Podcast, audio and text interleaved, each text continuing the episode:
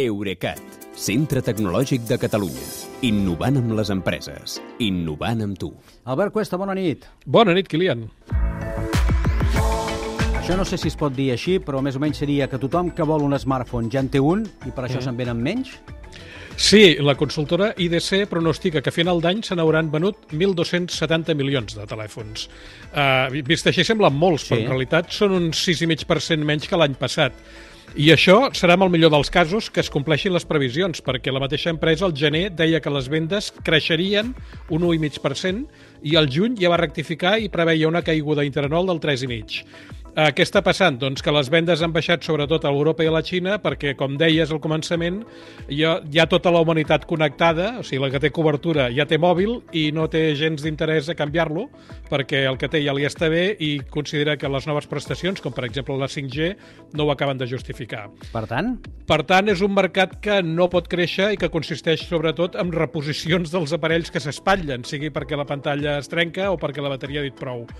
D'aquí que la Unió Internacional de Telecomunicacions, que per cert, eh, ahir, la setmana passada va escollir la seva primera presidenta després de 157 anys d'existència, s'hagi proposat eh, connectar 3.000 milions d'humans més d'aquí a l'any 2030.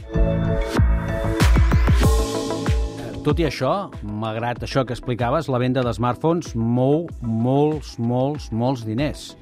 Sí, perquè el smartphone és el dispositiu més popular del món. Mira, cada any se'n venen més, més unitats que la suma de tots els ordinadors, tauletes, televisors i grans electrodomèstics, rentadores i rentaplats i neveres. I com deies, això són molts diners. Es calcula que l'any passat es van vendre telèfons per un total de 540.000 milions d'euros. I aquí encara hi has de sumar els 140.000 milions de, de descàrregues d'aplicacions i més de 300.000 milions amb anuncis digitals que surten a les pantalletes.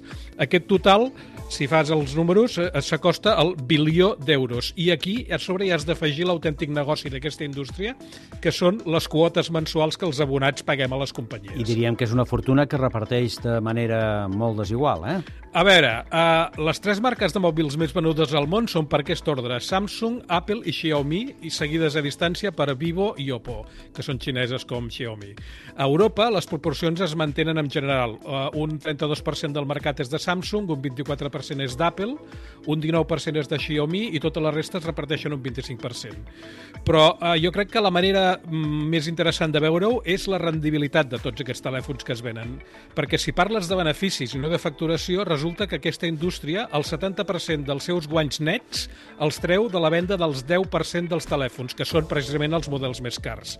I aquí qui guanya és Apple amb els iPhones, el darrer, i al darrere hi van Samsung i els Galaxy S, i en menor mesura els desplegables Galaxy Z, que són molt cars però se'n venen relativament pocs.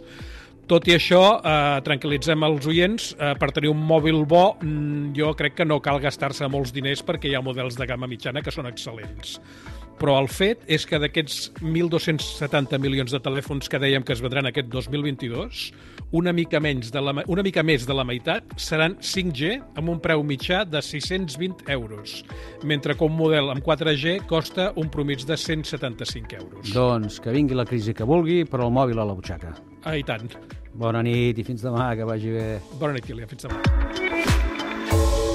Eurecat, centre tecnològic de Catalunya. Innovant amb les empreses. Innovant amb tu.